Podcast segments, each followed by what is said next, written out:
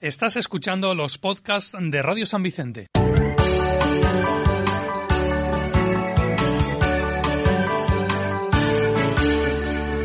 Ràdio Sant Vicent, 95.2. La teua ràdio.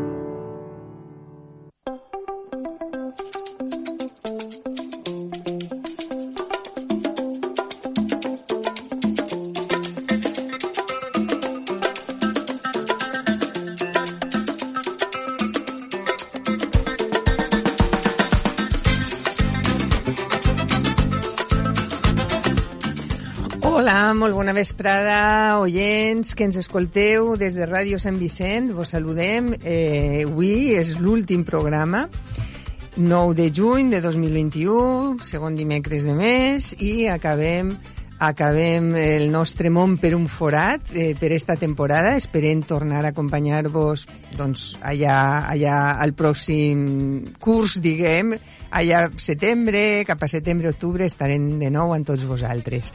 Bé, Eh, ho dic un poquet de peneta perquè ja se sap que les acomi els acomiadaments doncs, no, no són molt de... Però bé, anem a fer una cosa bonica i, i que vos en recordeu de nosaltres. Mireu, avui parlarem d'un tema un tema que, que està molt, molt, molt en actualitat, però no és un tema nou, és un tema de tota la vida, que diríem. És el tema de l'auia. L'auia com a problema, l'auia com a recurs eh, difícil de trobar, l'auia com a necessitat cada volta més urgent. En fi, eh, és un tema complex i, i tenim ganes de tractar-lo i ho farem eh, entrevistant el catedràtic d'anàlisi geogràfic i regional de la Universitat d'Alacant, eh, Jorge Olcina, que estarà amb nosaltres d'ací molt poquet. També està allà Jesús de Monjo, que Hola. farà un informe. Bona vesprada, Hola, bona Jesús. vesprada a tots i a totes. Alguna coseta ens, ens contaràs també del tema de l'auia i després, pues, ja sabeu que com sempre ens agrada molt acompanyar-nos de música, però eh, ara vos dic quin tipus de música o quina música o d'on venen els músics. Resulta que en el, en el Club de la Lliris, un poquet després, entrevistarem a l'escriptora Elvira Cambrils, que és de Pego, i se'ns va ocórrer pensar en els músics, en tants bons músics i tants bons grups que n'hi ha a esta, a esta ciutat, a Pego, que està, pues, no sé, com a uns 90 o 100, qui- uns 100 quilòmetres al nord de nosaltres i segur que conegueu a la Gossa Sorda, però avui tenim altres, tenim a altres eh, cantants i grups de, de, de Pego i ja veureu, ja veureu. I un poquet serà com homenatge a, a Elvira Camprils que, que ens acompanyarà. Així que eh, esta és un poquet la, la, la síntesis del que volem tractar esta vesprada. Als comandaments en- ens acompanya Héctor Jiménez i, i gràcies a ell farem el programa, o sigui que tirem endavant. Comencem amb un poquet de música d'esta que vos dia per a, per a que aneu ambientant-vos i és un cantant pegolí que es diu Carles Caselles. A mi m'agrada moltíssim i ens canta Senda Dolça.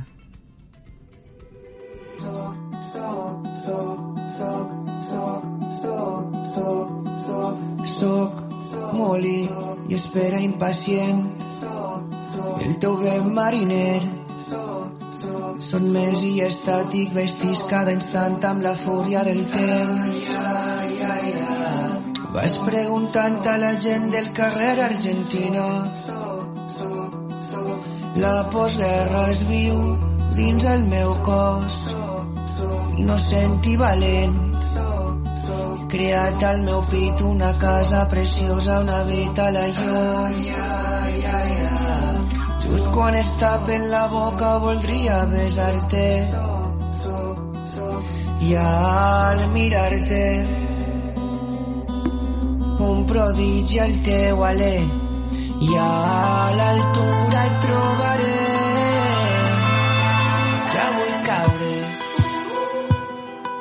flotar en l'aire i sentir que amb mi caure a l'arbre. Que creix amb la pluja del plor i vols alliberar-me si poguérem caminar sense filtres i prendre un cafè i emparar el temps i enfilar un caminet i estimar la quietud dels jardins de la pau de la flora que dorm, a la sal de la pell tens l'esforç de la feina i del viure.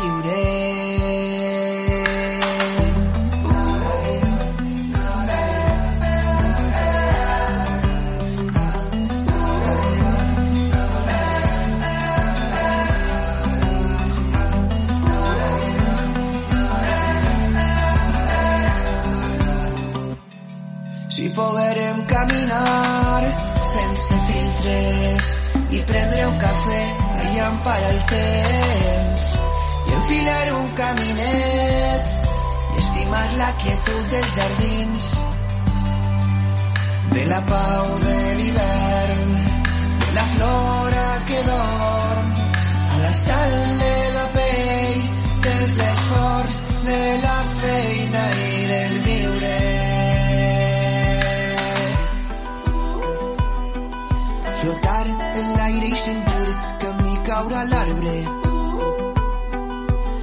creix amb la pluja del plor i vols lliberar-me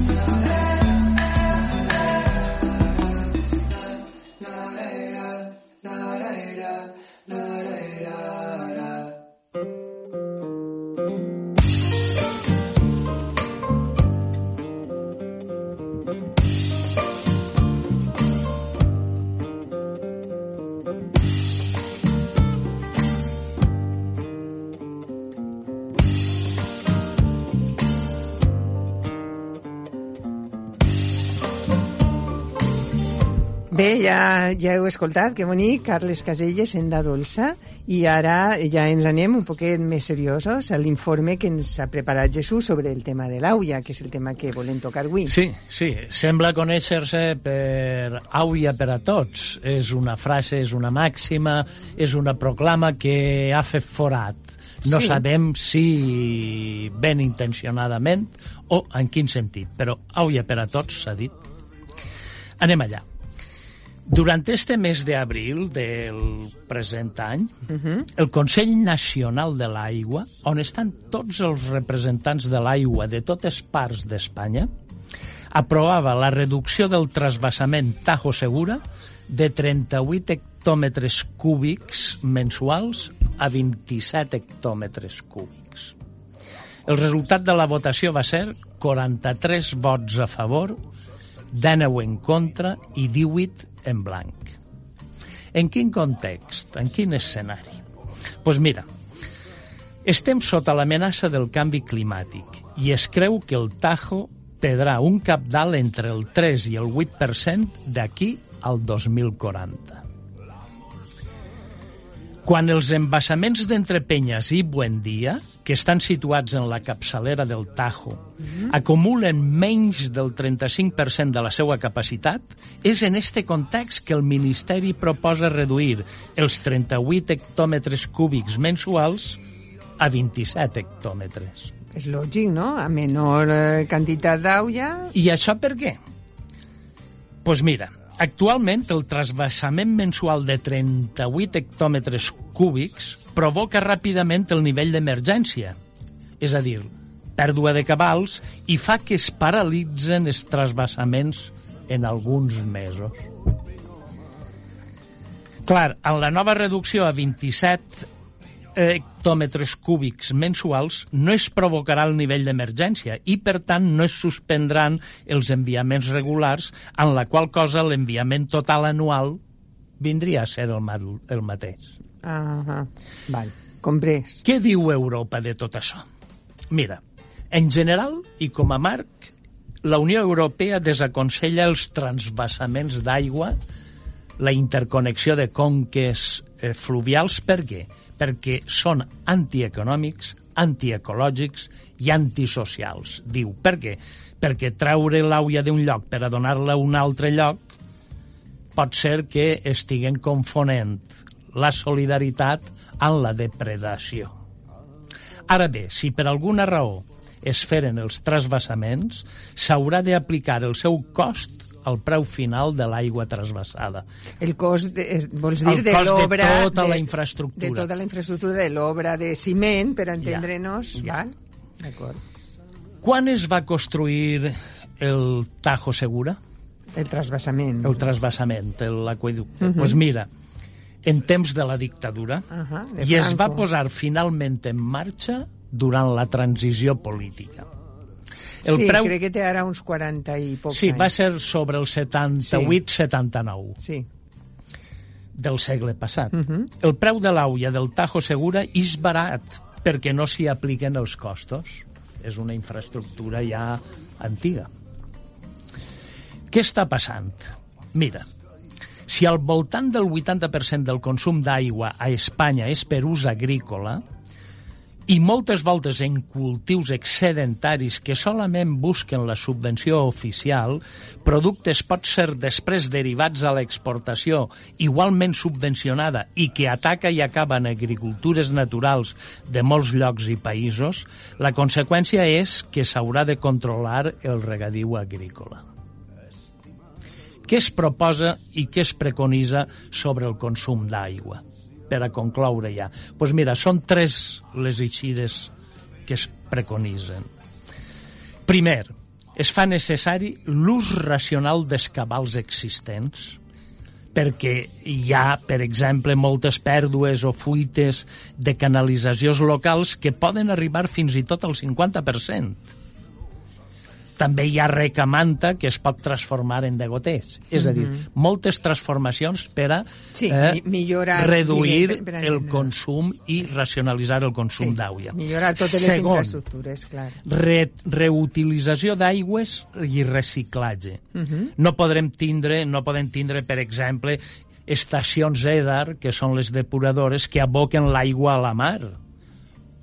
O, per exemple, trens de rentat de màquines o d'automòbils que no recuperen l'aigua.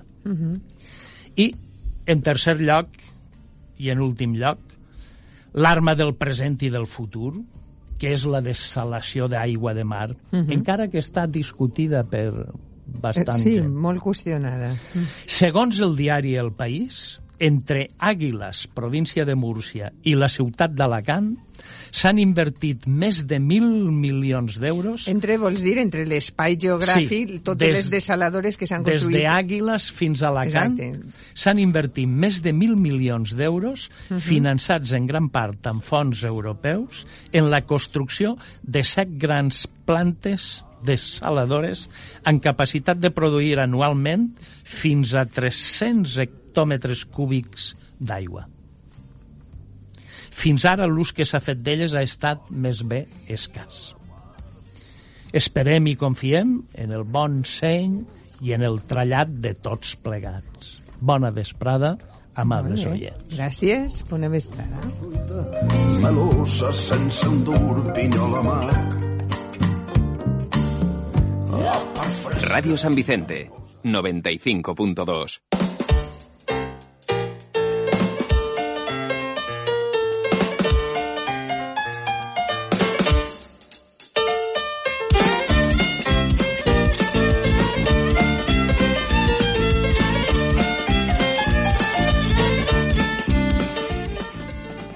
ja, ja hem arribat a la, a la nostra entrevista que abans anunciava amb el catedràtic de la Universitat d'Alacant, Jorge Olcina. Bona vesprada, Jorge.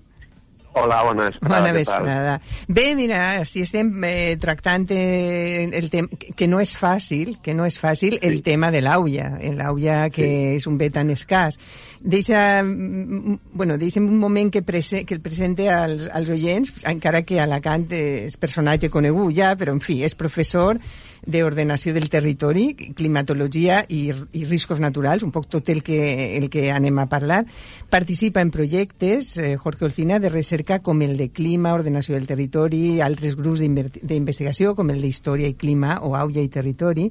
En fi, en- és, és llarguíssim el currículum. Jo resumiré dient que té una llar- llarga trajectòria docent i que és un, en fi, té un reconegut prestigi a nivell no, no sols així, sinó també a nivell internacional, que presidís estableix des del 2017, si no, si no ho he dit mal, eh, l'Associació de Geògrafs Espanyols, és així? Sí. I també ara, més, també mm, fa ja pues, 4 o 5 anys dirigir la seu universitària de la Universitat d'Alacant, en, en la ciutat d'Alacant. Això Sí, també, es, també así es, continua, es o sigui, que, que faena no en falta, no? I ara tinc entès Sí, sí, que... és. Eh, no en falta. tinc entès que eh, està també en una comissió eh, designada per la, per la Generalitat Valenciana per a precisament tractar tot este, este, este assumpte no? del canvi climàtic, en fi, no sé si estic mal informada. Corregir. Sí, sí. Bueno, es, es lo que se conoce como el Plan Vega Renace. Y estamos trabajando ahí un equipo de la Generalitat, de técnicos, de sociedad civil, eh, para mejorar lo que se llama hoy en día la resiliencia de la comarca frente a los desastres naturales, Ajá. especialmente las inundaciones y las sequías, ¿no? Sí. Y bueno, pues ahí estamos también colaborando. Sí, perquè el tema de l'aulla, precisament, eh, així sempre ho diguem molt, allò de que, la, de, de que si no sap ploure, l'aulla aquí no sap ploure, Sí. o, plou, o no plou, Sí. o plou molt, però vaja, això és propi de, del, del, de la, del, nostre, en fi, del nostre clima. Eh, Sí, per es. què és tan important l'aulla per a nosaltres? Vaig a fer preguntes Bueno. bueno, un poc genèriques, però, en fi, espere. Sí, no, hombre, eh, claro que Es, sí. en, ¿no? en la porque- economia, estic parlant de, de, Sí. de, de, de tant, no, no és l'aulla, que bonic que està plovent, no, és molt important per a la nostra vida. Sí. Bueno, eh, principalmente porque el agua, digamos, es un elemento básico para la vida de los seres vivos, del ser humano, ¿no? Y para el desarrollo, como tú bien decías, de las actividades económicas, ¿no? En aquellos sitios donde haya agua abundante, donde digamos que el agua sobra, pues quizá no se le da tanto valor, tanta importancia, ¿no? Al tema del agua, pero en zonas como las nuestras, donde eh, las precipitaciones son generalmente escasas, ¿no? Y, y, bueno, la acumulación de población y de actividades ha sido tan importante a lo largo de la historia, muy especialmente desde la segunda mitad del siglo XX. Bueno, pues el agua es un, un bien muy apreciado, ¿no? Porque al contrario de sobrar, digamos que falta y, y, bueno, pues hay que emplearla con mucha, con mucha sensatez, con mucha racionalidad, ¿no? Para, para hacer un uso racional de, de este recurso, ¿no? Por tanto, sí, aquí el agua es un elemento que además se convierte también en algo, mm, bueno, visceral, podríamos decirlo, ¿no? La defensa del agua, el, Sí. el saber que puedes disponer de agua, ¿no? Y al sí. final el debate termina siendo, eh, Com- por así decirlo, entre comillas, un poquito irracional. Exacte, ¿no? com a, Pero mínim, bueno, es- com a es- complicat.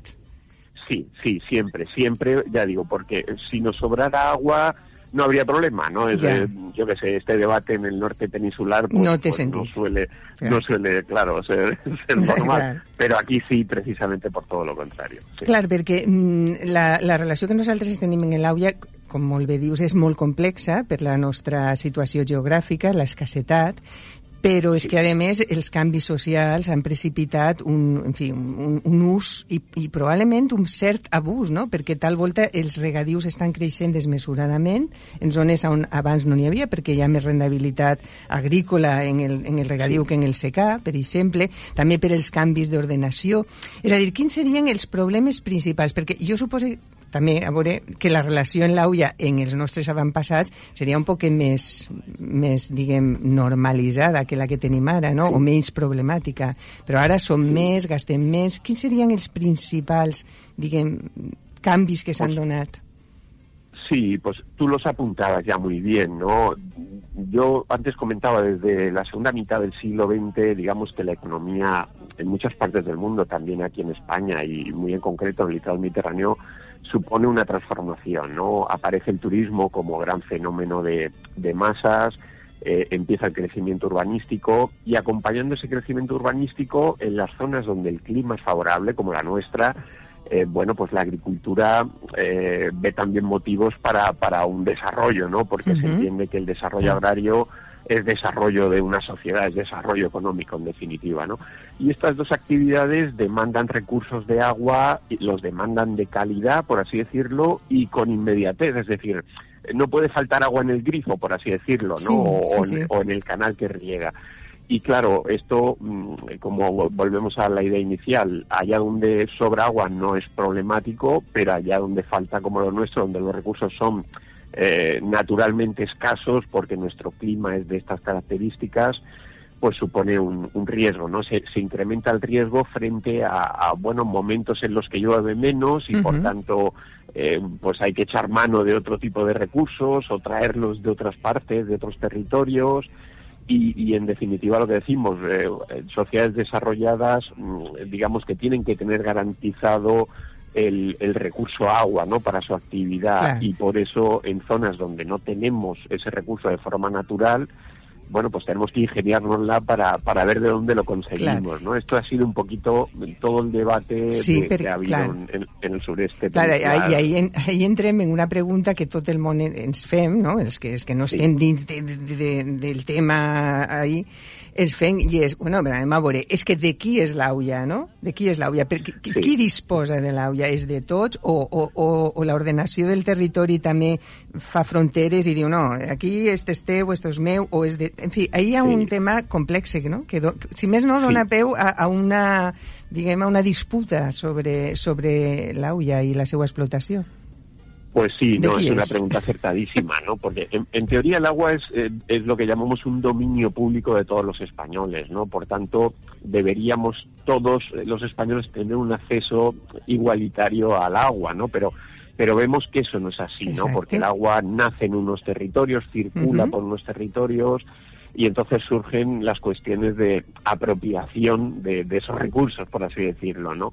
Eh, luego el estado de las autonomías, pues eh, no, no quiere decir que dificulte la gestión, pero sí supone también pues un- un- un- una, una nueva manera de gestionar sobre lo que es la gestión estatal, ¿no? Y, y, bueno, pues eh, surgen esas tensiones entre las escalas estatales, las escalas autonómicas. Perquè... claro, s- a- Perdona sí. la interrupció. Segurament No. el tema de l'aulla, eh, així com en altres temes, les competències autonòmiques, diguem que són superiors, en el tema de l'aulla m'imagine que l'Estat haurà reservat una gran quantitat de competències.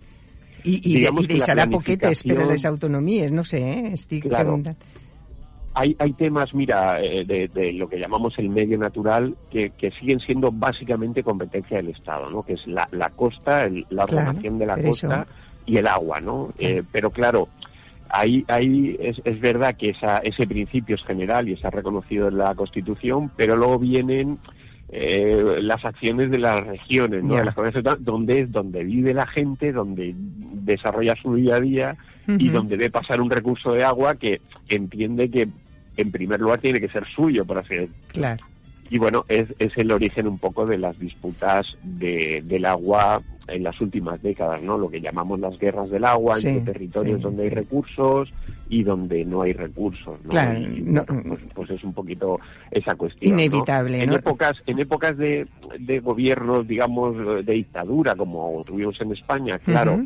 La unidad de la gestión, por así decirlo, es, es, es la pieza clave, ¿no? Claro, el pero en un, en un estado autonómico que es mucho más complejo, donde Claro. hay que dialogar mucho, pactar mucho las soluciones, bueno, No, pues però- hay que hacerlo. Es decir, però- esa es un poco la riqueza de la democracia. Això, clar, perquè la part positiva és que quan les, les coses han de, de parlar molt, negociar Claro. molt, probablement claro. es tindran en, en, en, diguem, en ment o sobre la taula moltíssims més factors, factors de tipus Sí. ecològic, social, que, que d'altra manera en una dictadura, pues, vala, allà va, no? Dic jo, Claro, que se claro, considera, hi haurà moltes més consideracions que, que...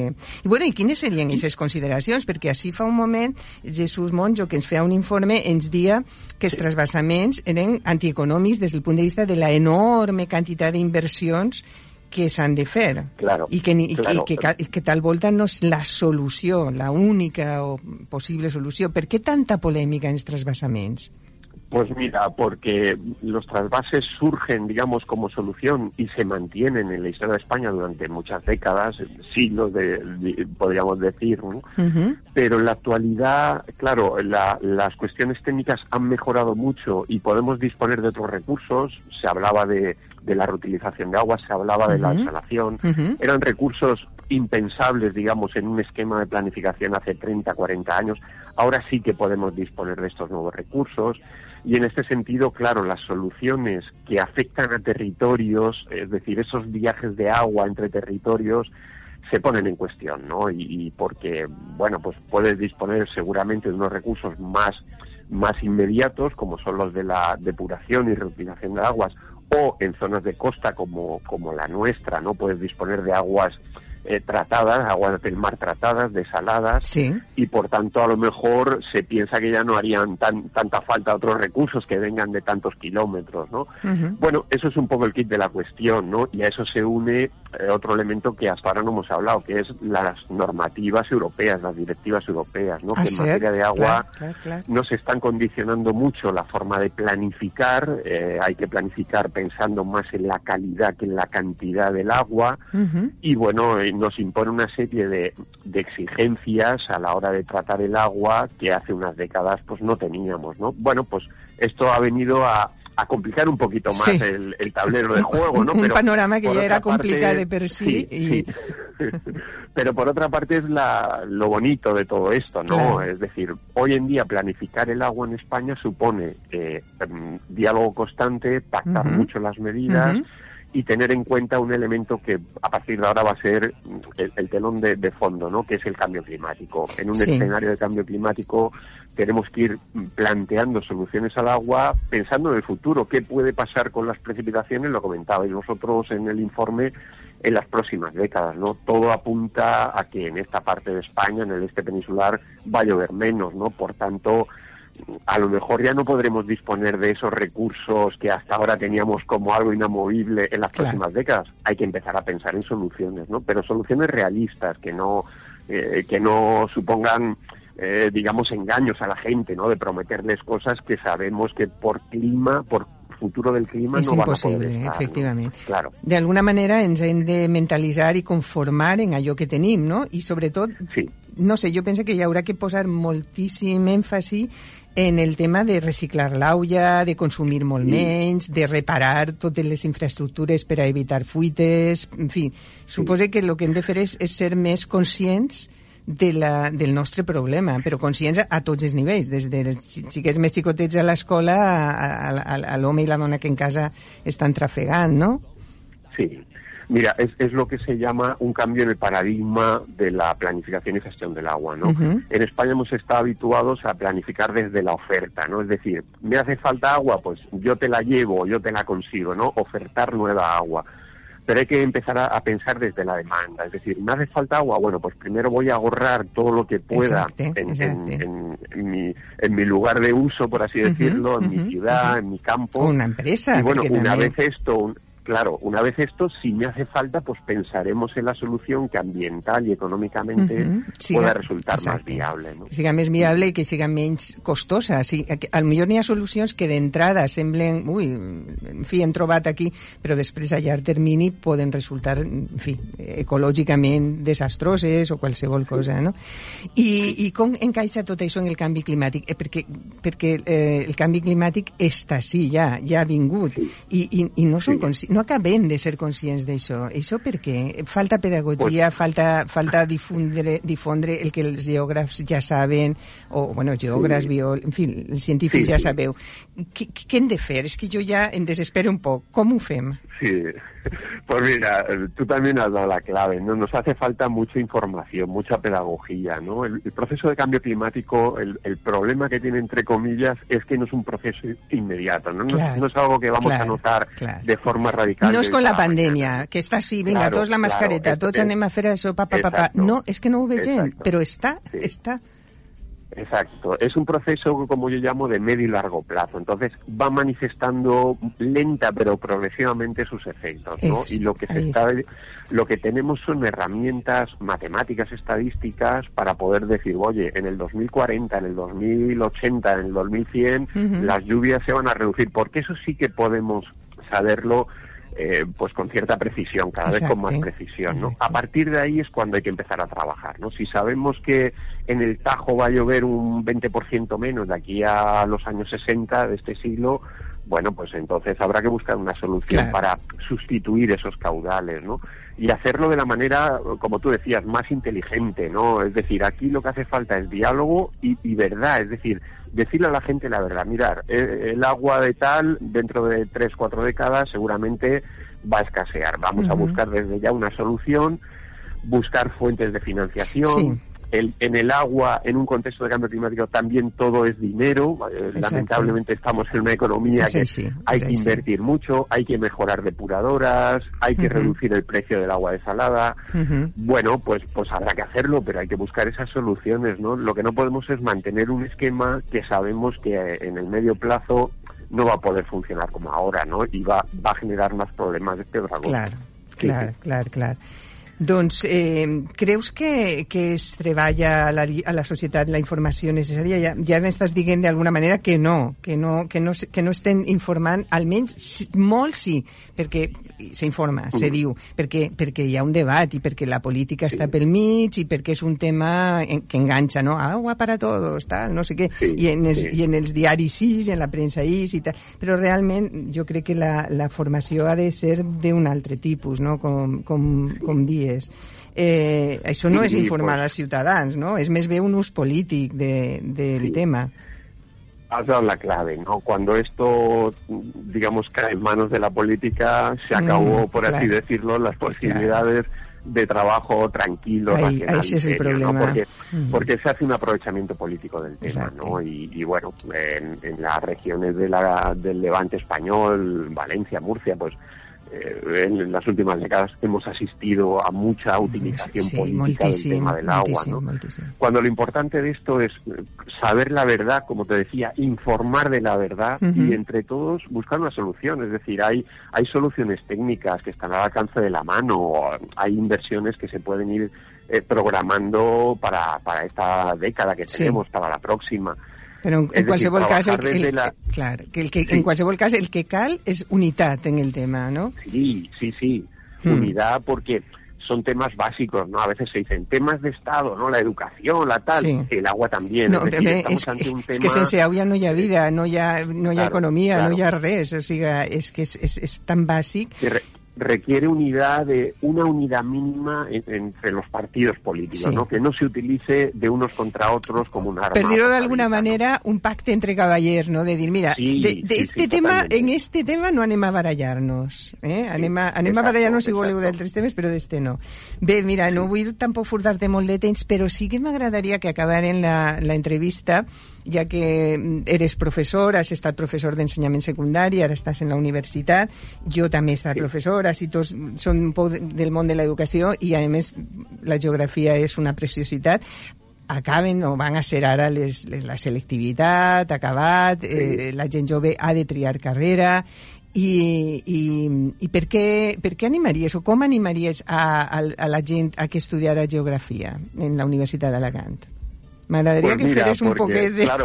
de publicitat, Sí, de autobombo, yo, yo no? aquí soy, soy bastante, bastante parcial, ¿no? Pues molt bé, d'això, que pues clar, per això he disfruto- fet la disfruto- pregunta i dic, vinga, endavant. Claro, perquè és sí. veritat que jo, Pues mira, jo sé la- que el sigues estudiant geografia- geografia, però és Sí. una assignatura Sí. que, si em permets, en batxiller, que la conec, té, té, té complexitat i a mi això m'encanta. M'encanta que siga una, Sí. una, una matèria en la, que, en la que tens que tractar des del món natural, eh, físic, a, a temes socials, a, la història també entra pel mig, la política, és una preciositat per a mi, Sí, eh? és una cosa sí. preciosa, però clar, és complexa. Com fer ara, Sí. en poques paraules, que un jove que està pensant seu diga vaig a estudiar geografia? Per què? Sí. Pues mira, primero porque es un, un- uno de los de las preguntas básicas que todo ser humano tiene que saber responder, ¿no? Que es el dónde, dónde estamos eh, en estos momentos y hacia dónde vamos, ¿no? Por así decirlo, es un- eje de, de nuestro sistema básico de, de existencia sobre sobre la Tierra. El ¿no? territori. Y luego porque que la geografía ha evolucionado, sí, ha evolucionado mucho en las últimas décadas, se ha convertido en una disciplina eh, que ayuda a solucionar problemas, que trata los problemas, digamos, más de actualidad, el cambio climático, los riesgos, la inmigración, Exacto. en fin, son cuestiones del día a día, ¿no? Y la geografía que hasta ahora siempre la teníamos como una disciplina muy teórica, muy de aprender conceptos y demás, se ha convertido también en- una disciplina de utilidad práctica, ¿no? Exacto. Que ayuda en la planificación Exacto. del territorio, Exacto. en la planificación del agua, en la adaptación al cambio climático. Bueno, pues, pues, ¿qué te voy a decir, no? No, Para no, mí es, es eh, pues, es una de las disciplinas más bonitas que se puede estudiar en Claro que estos sí. momentos en el sistema educativo, pero claro, yo soy juez y parte, por así decirlo. Yo també pero conf- creo que, es- confesse que- creo que es que una també. disciplina de utilidad social. Sí. Bé, molt bé. Doncs ànim, si algú està escoltant i diu, mira, pues és veritat, és veritat. Mm, És, és, una, és una assignatura complexa, mm, una assignatura, vull dir, una, una, una ciència complexa i, i precisament ahí està la seva gràcia, no? En tota aquesta quantitat d'informació que s'ha de poder enconjuntar, no? Bueno, pues, eh, Jorge, moltíssimes gràcies. Ha estat un plaer parlar amb tu i ens has, ens has donat llum sobre moltes coses de les que Nada. necessitem, necessitem claretat. Moltes gràcies. Es, es un placer para mí. Gracias a vosotros por interesaros por estos temas. Molt Claro que sí. Adeu. Bona Adeu, vesprada. adeu.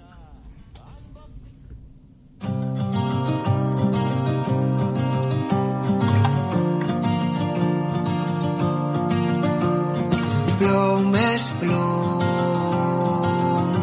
sobre mullat. Sent l'olor a cos cansat. Cai de cap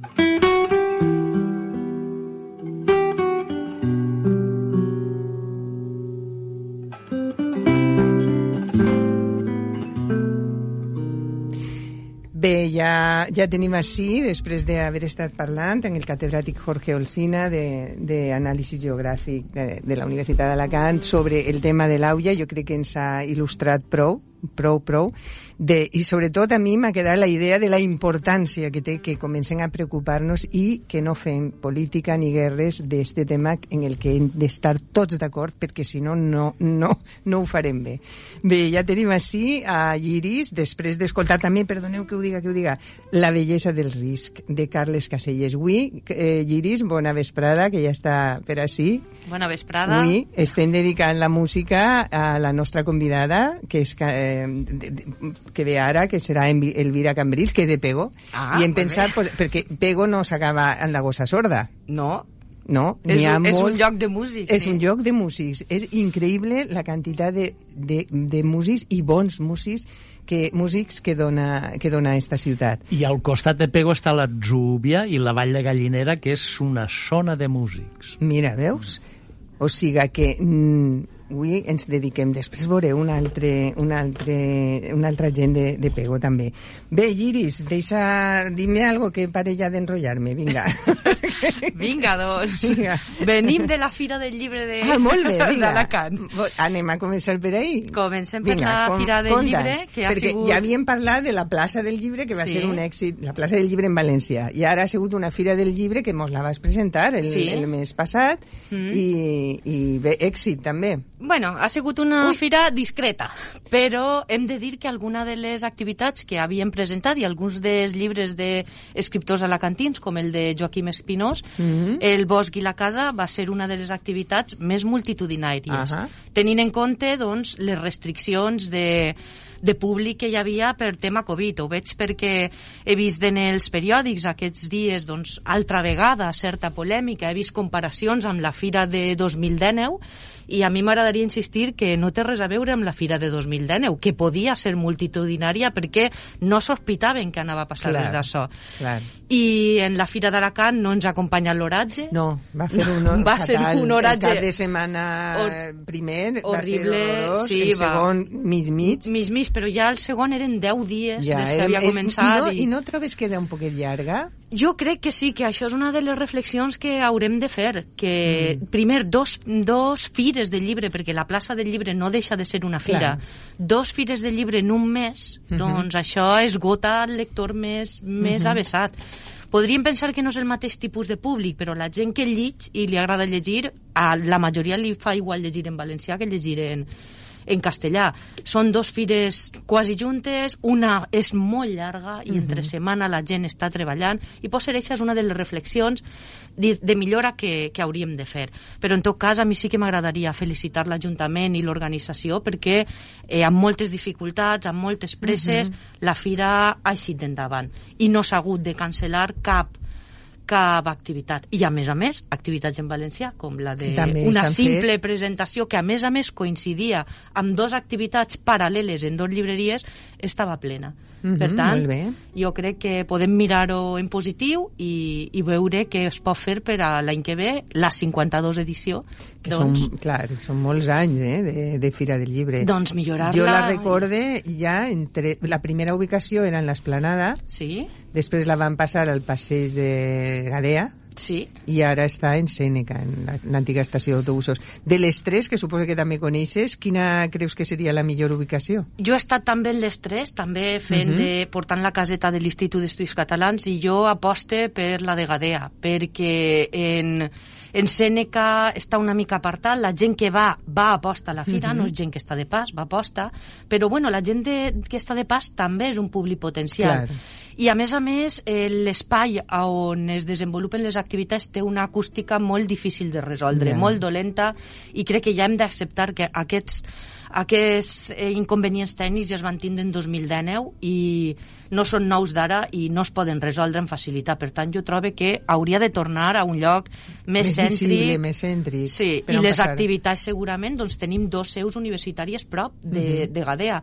Tornar a les- a l'espai de seus universitàries que té mitjans tècnics Clar, i que se poden fer Clar. allí mm, les cosetes més tancadetes, les Clar. presentacions o això, i, i, i la fira al carrer. Exactament, i les presentacions i les firmes a les casetes. Clar, és una fira, també, als autors clar, els agrada estar al carrer, clar, també. i tant, i tant. Home, les, les conferències, les Sí, ponències, algun, tot sí, això... alguna a- activitat o un teatre o a- alguna cosa... exactament, a les seus, que a més a més eh, això abaratiria els costos, Clar. perquè la universitat col·labora, i pot Clar. col·laborar també, sense Mhm. cap inconvenient, cedint els espais, per tant, crec que... Pues no sé, jo de vegades pense, mira, com ara que parlaven en catedràtic de la Universitat d'Alacant, de vegades pense, no sé què faríem sense la Universitat d'Alacant, eh? eh? Dir que és un suport increïble a la, a la nostra cultura. És un suport, una font d'autors... Sí, sí, és, sí, sí, és sí. Un, sí, jo crec que sense la Universitat d'Alacant mm, la fira eixiria amb Ressentiria. dificultats. Sí. Bueno, eh, ràpidament, perquè anem a cridar ja Elvira, eh, el pròxim club. El pròxim club que farem, que jo crec que serà, Que serà ja l'últim de de l'any, ja. sí, perquè en juliol l'últim agost. dissabte és Mm. 31, crec que serà ja l'últim. El pròxim club de lectura tindrem a, a Gemma Pasqual Ah, mira, i... una parl- autora molt, molt, molt venuda, sobretot entre la gent jove. Sí, Exactament, però farem Molt un llibre llegida. que està pensat en principi Sí, per, per adults, adults, que per- és Viure perillosament. Ja, el que passa que molta gent que la llegia eh, fa uns quants anys al- als instituts, ara, Ara ja, ja- la poden llegir com a adults. ja Exactament, majors. ja poden comparar. Molt bé, ja poden Sí, sí. comparar. La tindrem telemàticament, però Molt bé. segurament tornarem a la presencialitat en una llibreria. Ho estem pensant. Perfecte, en una llibreria en, en, A en Sant Alacant. Vicent, a A Alacant, Alacant. en comptes d'en Sant Vicent, en Alacant. Sí, Bueno, no sí perquè res. la majoria d'assistents al club són, Són d'Alacant. Per clar. tant, eh, anirem a Alacant, Bueno. segurament. És igual, com no es diu el Club de la Lliris de Sant Vicent, sinó No. el Club de la Lliris, no passa res. Però seguirem contant en Sant Vicent, així Sí. a la ràdio, clar que Per sí. descomptar que sí. Molt bé, ja tenim Club a... ambulant com els titellaires, que també té molt a veure. Nòmades, que queda com més... Eh? Sí. Bueno, ja tenim a Elvira ja al telèfon. La saludem. Eh, Elvira, què tal? Bona vesprada. Hola, gràcies, bona vesprada. Encantada de saludar-vos per així. Molt bé, així estem la Iris i jo i, i la idea és que, bueno, pues que Iris pues un poc te di dirigisca la entrevista, però jo tenia moltes ganes de saludar-te i dir-te, perquè clar, no hauràs estat al tant, que la música que hem triat avui és de gent del teu poble, de Pego. Que bé.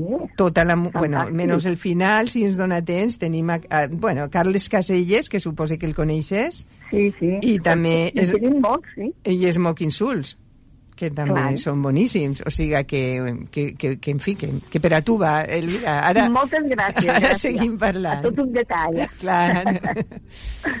Molt bé, doncs, hola, Elvira, bona vesprada i estic contenta de tornar-te a saludar perquè fa res, que va, fa tres dies que vam estar juntes no. al Club de Lectura. Pe, perdona, la, per, en, en torna a entro, entrometre i, eh, eh, eh, eh, perquè, Elvira, eh, la idea és que tu eres la veterana o la que més ha estat en el Club de la Lliris i jo li vaig dir, sí, per què no, per què no tanquem la temporada parlant amb Elvira i que ens parle també dels clubs des de la perspectiva dels autors.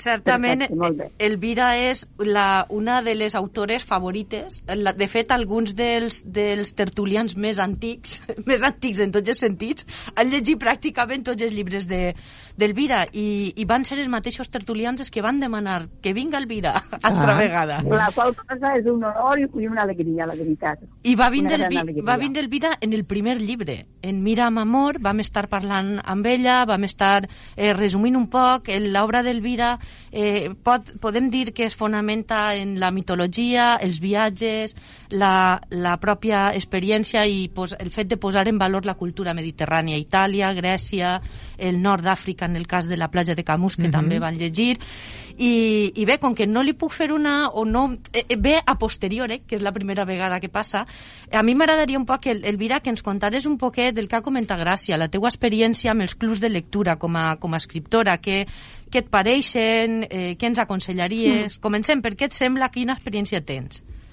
Perfecte, mira, que quan jo pensava en el club de lectura, de lectura primer com a lectora, que també forma part del club de lectura i eh, com a experiència lectora és molt interessant.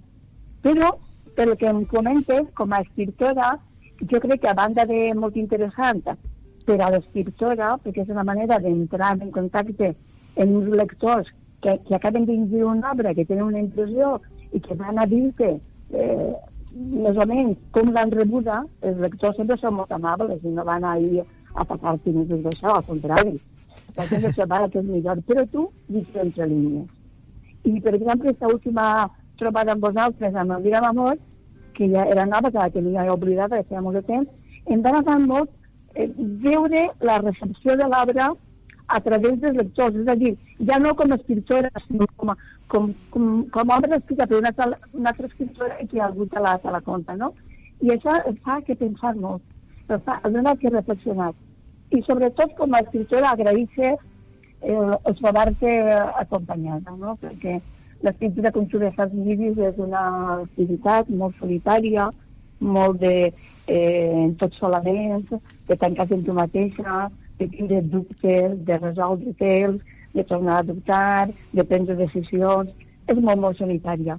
I tampoc tenim la possibilitat, en general, almenys jo no l'he tinguda, de que algú altre, algú altre que puguem dir entre cometes mestre, el digui això sí, això no, els lectors i les lectores, no? I són ells i elles els que van dient això sí que funciona i això no funciona. I per a mi és una, una gran escola d'aprenentatge no és que vaig a seguir, seguir a club de lectura, però en alguns quants, en totes les obres que, que he publicat, en públic juvenil, les instituts, i en públic adult, en club de lectura, i la veritat és que per a mi és satisfactori els clubs de lectura jo crec que prens un poc consciència de que allò que tu escrius, quan tu bé dius tu sola, resulta que n'hi ha gent que, que ho llegeix. I és, és graciós perquè jo quan es modere eh, m'adone que és com si els lectors s'apoderaren de l'obra i quasi que manen ells, no? Ahir volies dir tu això, dius, vale. doncs, sí, sí. Volies... I més, jo penso que, que, que és d'aquesta manera, no? O sigui, tu has escrit, però després està l'objecte, l'obra, que en certa mesura és un mestre independent de tu. Eh, tu l'has fet, però una volta que s'ha publicat i està llançat a, al públic, a les mans i a, a la ment i als sentiments d'una altra persona, l'altra persona es fa seu. I ahí és quan confluïm la persona escriptora i la persona lectora. I tu creus que és- en una formació, una cultura, uns interessos, no? I ahí és Sí, quan aix- ens aix- trobem. Això que dius de el fa seu, el, el, el diguem molt en la poesia, perquè en la poesia, si això no passa, és que has escrit un poema horrible. Vull dir-te que el, el poema ha de ser sentit pel, pel, per qui el llig com a part de la seva pròpia vivència, de la seva pròpia experiència o dels seus sentiments. Si no, el poema no, no... Però en la narrativa, tu creus que també passa un poc això de que se produeix una Jo certa que sí. identificació o que, lle, o que, que sí. O, o és que jo sóc una lectora ja molt velleta i, o sigui, que porto tota la vida llegint i, i mire els llibres amb un poc més de distanciament o, o te ho preguntaré d'una altra manera n'hi ha lectors i lectors, és a dir, n'hi ha lectors que s'identifiquen quasi, quasi com els xavals en el cine, en el, en el xico, la xica de la pel·lícula o en este tal o en qual, i lectors més distanciats, més freds? Jo crec que sí. Eh, jo parlo com a experiència lectora, com a experiència lectora Sí, de, sí. de poesia i de, i de, de narrativa, no? I de, o d'assaig. Eh, amb alguns autors ens trobem molt identificades, perquè és que el que ell ha dit, el que ell ha dit, ho haguera pogut dir jo si haguera sabut, ho haguera tingut les eines. Clar. I per tant, aquella persona que està parlant-me eh, és com jo. I aleshores jo em reconec en el text. Mhm. I això igual passa en poesia que Mhm. passa en, en, en la narrativa. Fins i tot que passa amb l'assaig, quan Mhm, mm descobreixen mhm. o responen a preguntes que tu t'has fet. Exacte. I dius, ostres, és això. Ho veig clar ara, no? I, i que agraïda Problema. quedes després de- de- d'això, no? D'eixa epifania. Dius, ai, que bé, jo també, jo ho veig, jo sóc... Sí. I per això hi ha llibres que llibres i, bueno, l'has llegit i s'ha acabat. No, no fa dir res. Mhm. I de fet l'oblides. Sí. fet l'oblides, no? Sí. I altres no els oblides. I no els oblides perquè van parlar molt directament. Mhm. Però clar, ja saben que això depèn molt de les circumstàncies personals, de qui tingueu les mateixes claus interpretatives, la, la narradora o, o la poeta i tu, Mhm. que de vegades és que no arribes, que esteu en, en camins paral·lels i no, no, no, es, no es trobeu, no? Mhm. Que no? No vol dir que l'altre no tinga mèrit, no tinga valor, simplement que tu no estàs en paral·lel, estàs en paral·lel i no es confluïm, no? Ajá. Però jo crec que tant la lectura com... Bueno, la lectura sobretot és una feina de dos, de l'autor i del receptor. Mhm. I de fet també, com a escriptora, jo crec, vosaltres també sou escriptores, que escrivim per a nosaltres, però sempre hi ha algun tu imaginari que està a l'altre costat Mhm. i per al qual escrius. Ja, no té sentit escriure només per a tu, només per a tu. Jo- Un, lec sempre un lector model? Parles d'un lector model? Sí. El que tens enfront? Tu tens... I com seria el teu lector model? Confessa'ns. Sí, la veritat confessa. és que el meu lector en model no serà per de formació professional, ok? Sempre és un jove valencià, eh, valencià, el que significa ser valencià. Allò de, de viure en una terra, en un país sense, sense estat, en les dificultats que comporta, no? allò de sentir-se segon, la que massa bé comprenem, Mhm. i que té eh, problemes del nostre temps. Problemes d'identitat sexual, problemes de, de crisi en la societat en què vivim, problemes de crisi De fet, això són temes que apareixen pràcticament en, en tots estos, en els teus llibres. En l'últim els tinc més... En el- en l'últim el tinc més, més fresc, però em crida l'atenció allò que has dit de valencià, perquè és un dels, un dels adjectius que apareixen en, en alguns personatges, no? La dona valenciana que va llegint un llibre, els camioners que van en el ferri, que també són valencians, doncs això crida l'atenció i, i, i contrasta amb el fet que en el viatge eh, la situació moltes vegades, la, la trama central passa en un lloc que no és el País Valencià, és a dir, que són valencians però universal. Mhm. Última Efectivament. pregunta. Eh, el, eh, ja que parlàvem de la música de Pego i parles tu de la valencianitat, en quina mesura influeix el teu, el teu espai vital en, en la teua obra? Perquè ja dic que la majoria d'obres mm, la trama passa en un altre país, però Sí. un país que podria ser Pego, perquè és molt mediterrani. Sí. En quina Sí. mesura influeix la teu, el teu espai vital en, en la teua obra?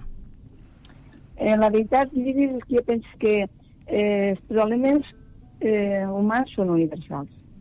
I mm -hmm. si apenas llegir un poquet la corseta de la cultura, allò que ens separa, trobes el mateix. I és la necessitat de ser estimat, de ser reconegut, de realitzar-te, de, de seguretat, de poder uh, arribar a tenir els objectius i, i la possibilitat de complir-los. Això es dona a tot arreu, perquè forma part de les necessitats humanes. Per tant, el meu espai vital em condiciona en la, en la, en la mesura que en mi viatja la persona de la cultura valenciana que s'ha sentit menys tinguda, que ha reivindicat i ha fet eh, de dignificar la nostra llengua, que és de, de que parlem en definitiva, eh, i per tant això sempre està latent, sempre està latent. I, I ara... a banda d'això, els problemes meus són problemes comuns a, als humans d'avui en dia, crec jo. Problemes universals. I ara sí que sí, última pregunta, la teua, la teua eh, professió de filòsofa, en quina mesura? I ara sí, última i breu. Sí, doncs també, és una manera que ara la vida. Eh, el fet d'estar durant 34 anys eh, explicant filosofia a adolescents m'ha marcat profundament, mm -hmm. a banda de que em va marcar profundament a mi en la meva etapa d'adolescents i d'estudiant de filosofia, perquè jo reconec una vida abans de ser estudiant de filosofia i una vida després de ser estudiant de filosofia. I ha marcat, marcar. ha marcat també els teus llibres. Elvira, moltes gràcies per atendre's una vegada més. Sí. I bé, esperem pronte una obra més per a tornar-te a tindre. Clar que sí. Bueno, Elvira, un plaer escoltar-te, eh? A veure si, si ens tornem a trobar en un altre club de la Giris, però que vingues, val? Esperem, esperem. Vinga. Tant de bo tinguem sort. Molt una abraçada bé. ben gran. Gràcies, una abraçada. Bé, i, i ja estem acomiadant-nos eh, i, i per a que Elvira s'acomiade també de nosaltres, com, com, vos, com li havia promès, la música ve de Pego i esta volta ens acomiadem amb Smoking Souls, Volves de Neu, i vos deixem en ells, però abans, per favor, anem a acomiadar-nos perquè fins a setembre o octubre no tornem. Així que, per favor, feu bondat, passeu molt bon estiu i que tot vagi molt bé, llegiu molt, llegiu molt i sigueu molt, molt crítics públics en tot el que vinga dels mitjans de comunicació d'això d'allò i, i mireu-vos-ho bé, mireu-vos-ho bé, que el món està molt rebolicat i, i en fi, i cuidem l'aulla, cuidem molt l'aulla, que en tenim poca i la necessitem i de qualitat. Així que molt bé i fins a la pròxima temporada. Adeu a tots. que tornares, partir fa menys mal per a qui se'n va. Seguirà, seguirà, seguirà, i a l'alba marxar de nou i així, i així serà. Voler esborrar meridians per tornar i seguir el teu rastre de llum. Passen les hores com passen els anys, hi ha molt de fum i poca flama, hi ha molt de joc i poques ganes de jugar. Casa fina i comptes corrents i una llista que no acaba sempre més i amb qui m'és igual. I sé que algun moment serà tornar al teu carrer per saber que t'he trobat a faltar com la neu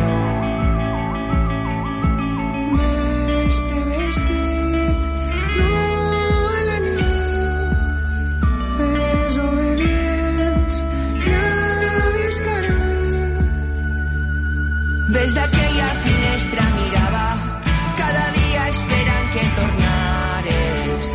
Partir fa menys mal per a qui se'n va. Seguirà, seguirà, seguirà. I a l'alba marxar de nou i així, i així serà.